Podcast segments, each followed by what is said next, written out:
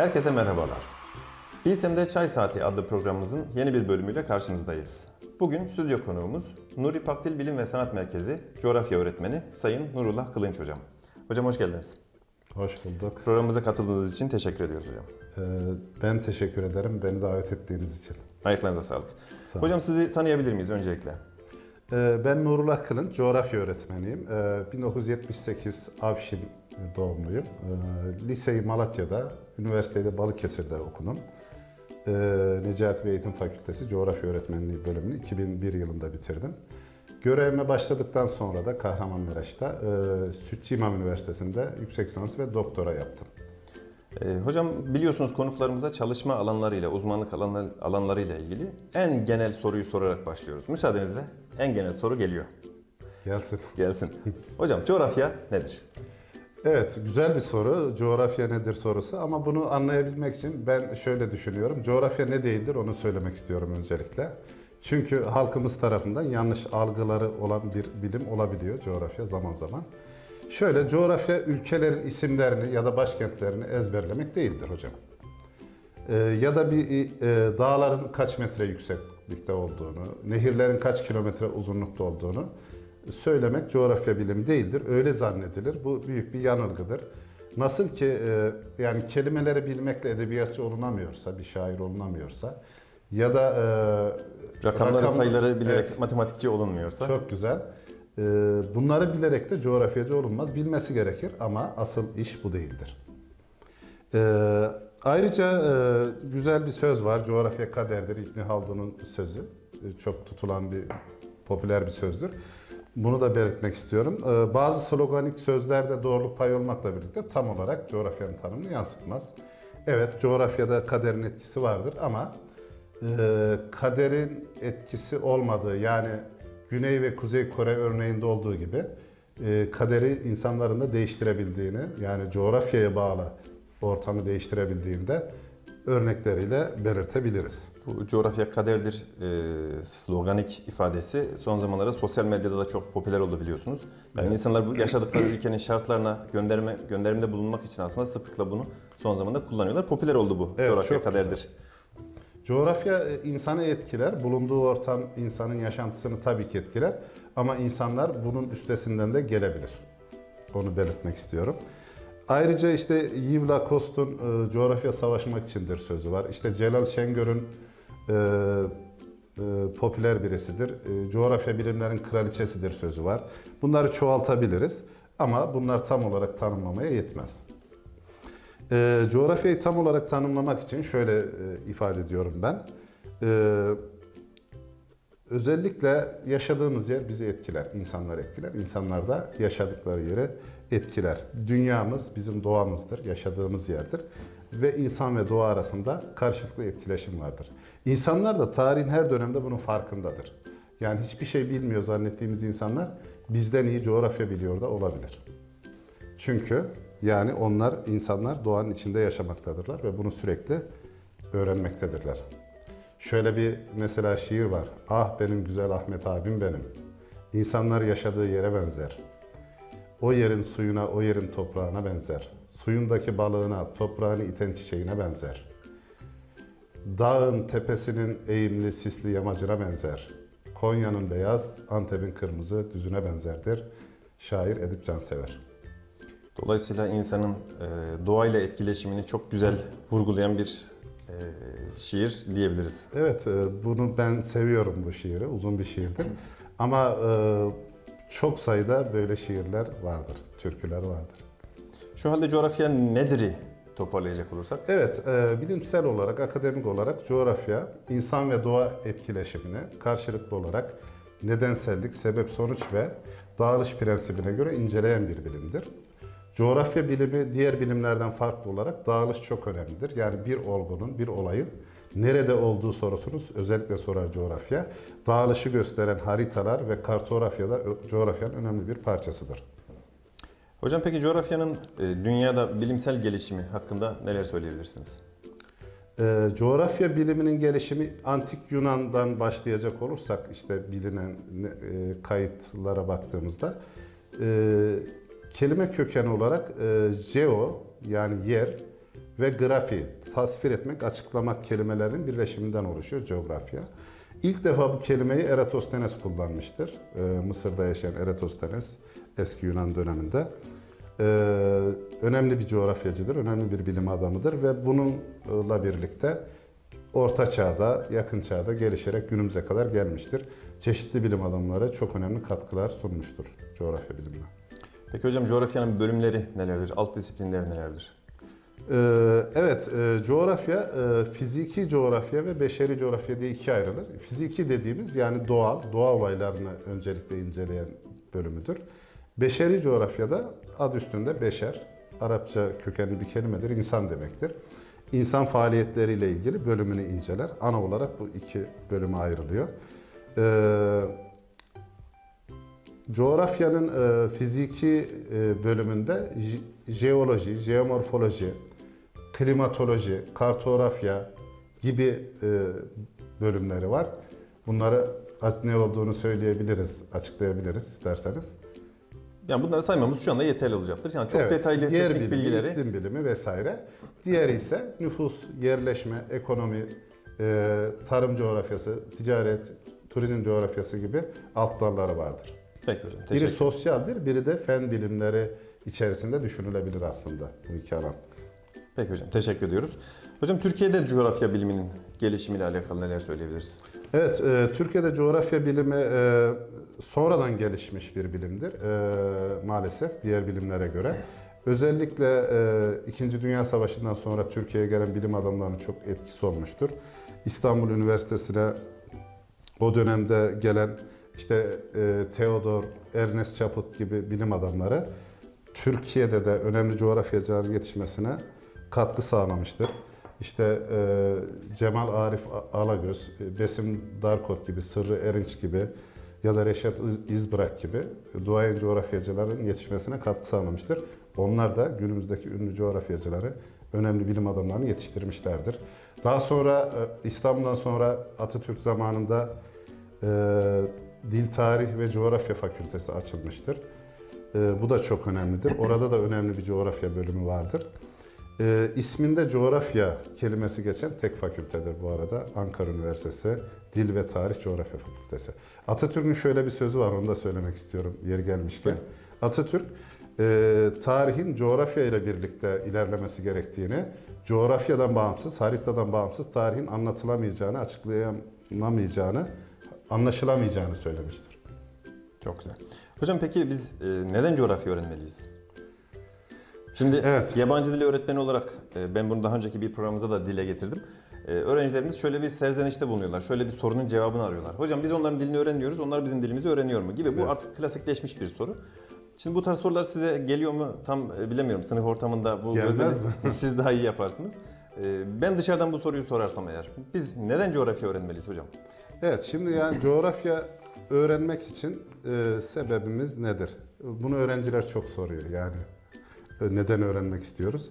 Şimdi coğrafya temel olarak yaş- insanın yaşadığı ülkesini, yaşadığı yeri, hatta öncelikle yaşadığı köyünü, ülkesini, ilini, çevresini e, tanımasını sağlıyor. Ve sonuçta dünyayı. Evet güzel.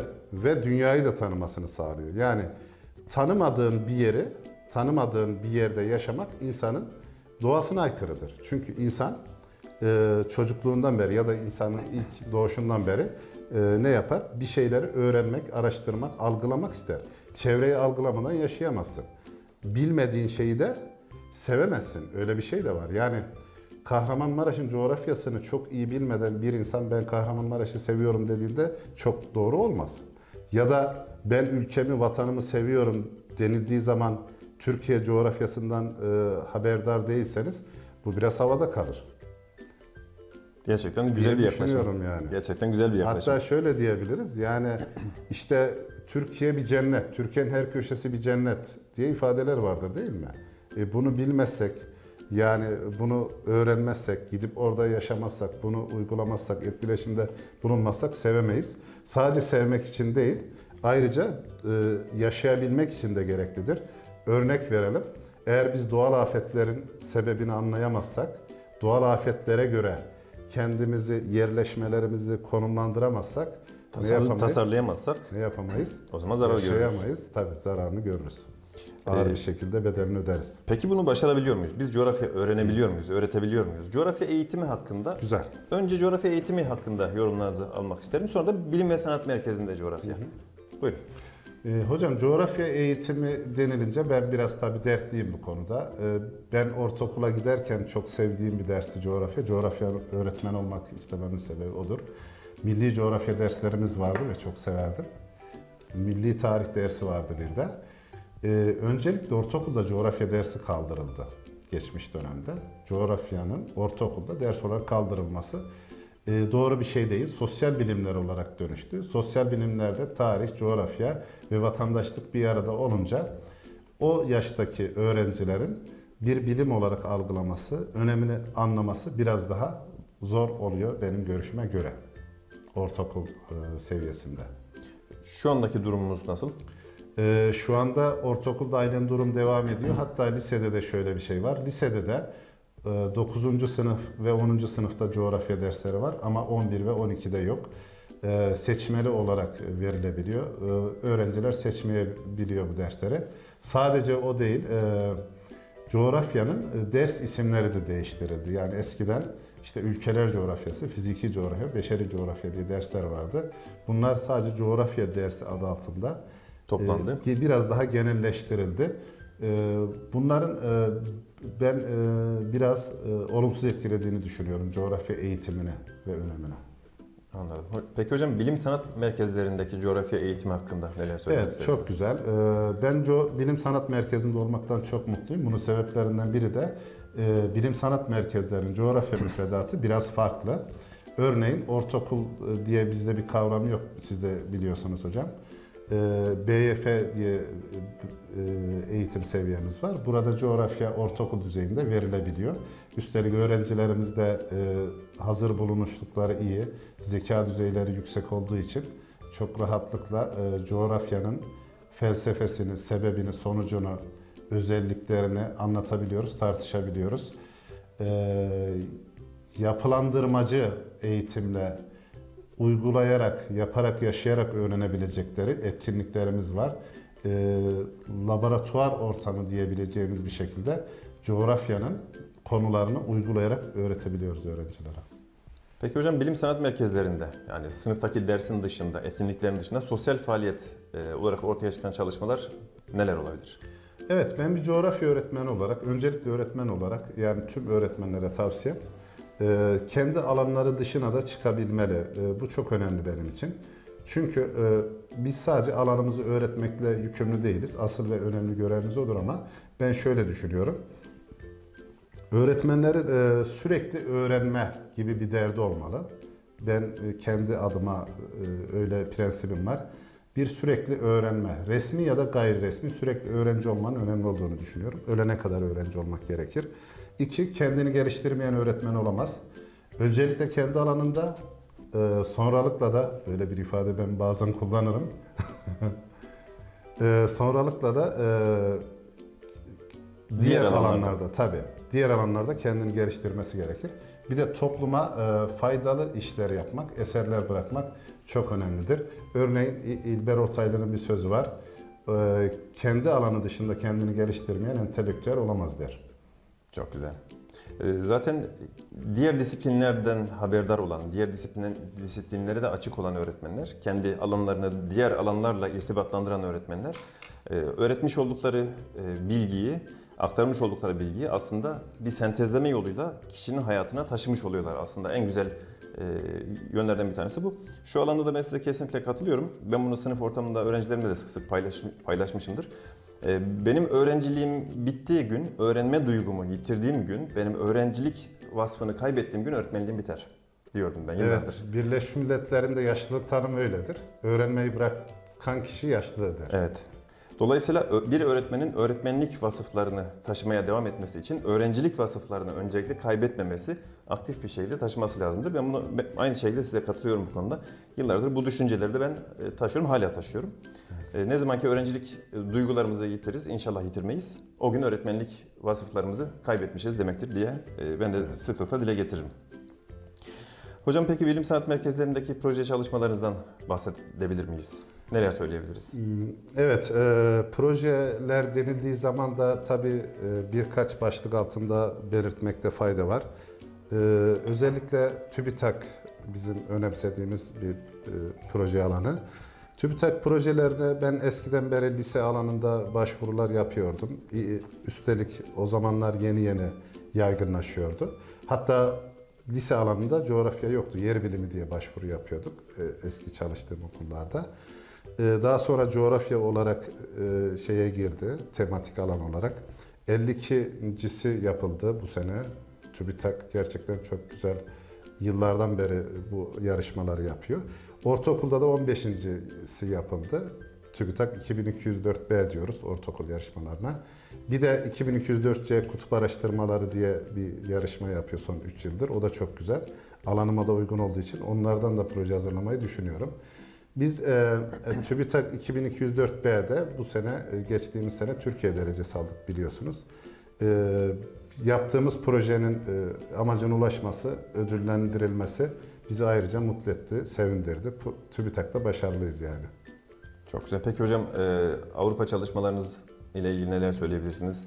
Erasmus ve Etwinning Evet, e, şimdi onda da biraz eski önceden başladım ben. E, Erasmus Plus projelerine e, eskiden adı Comenius'tu. Okul projeleri siz bilirsiniz. E, yine eski çalıştığım okulda ben yapmıştım. İki kere proje yapmıştım. Koordinatörlüğünü yürütmüştüm. E, altı farklı ülkeden ortaklarla bir araya gelip e, yaptığımız projelerde ee, çok sayıda öğrencimizi e, tam olarak hatırlamıyorum ama 50'ye yakın öğrencimizi yurt dışına götürmüş olduk. Oradaki öğrenciler de öğretmenlerle birlikte gelip burada bizi defalarca ziyaret etti. Çok güzel e, etkileşimler, paylaşımlar oldu.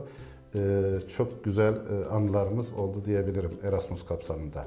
ETVNIC'te de 3 tane proje yürüttük. Uluslararasıydı yine ikisi. O da özellikle Türkiye'den ortaklarımız da vardı. Avrupa'dan da vardı ama çoğunluğu Türkiye'dendi.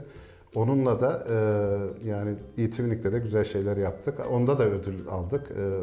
Hem kalite etik- etiketi aldık hem kendi adıma hem de kuruma okulumuza kalite etiketi kazandırmış olduk.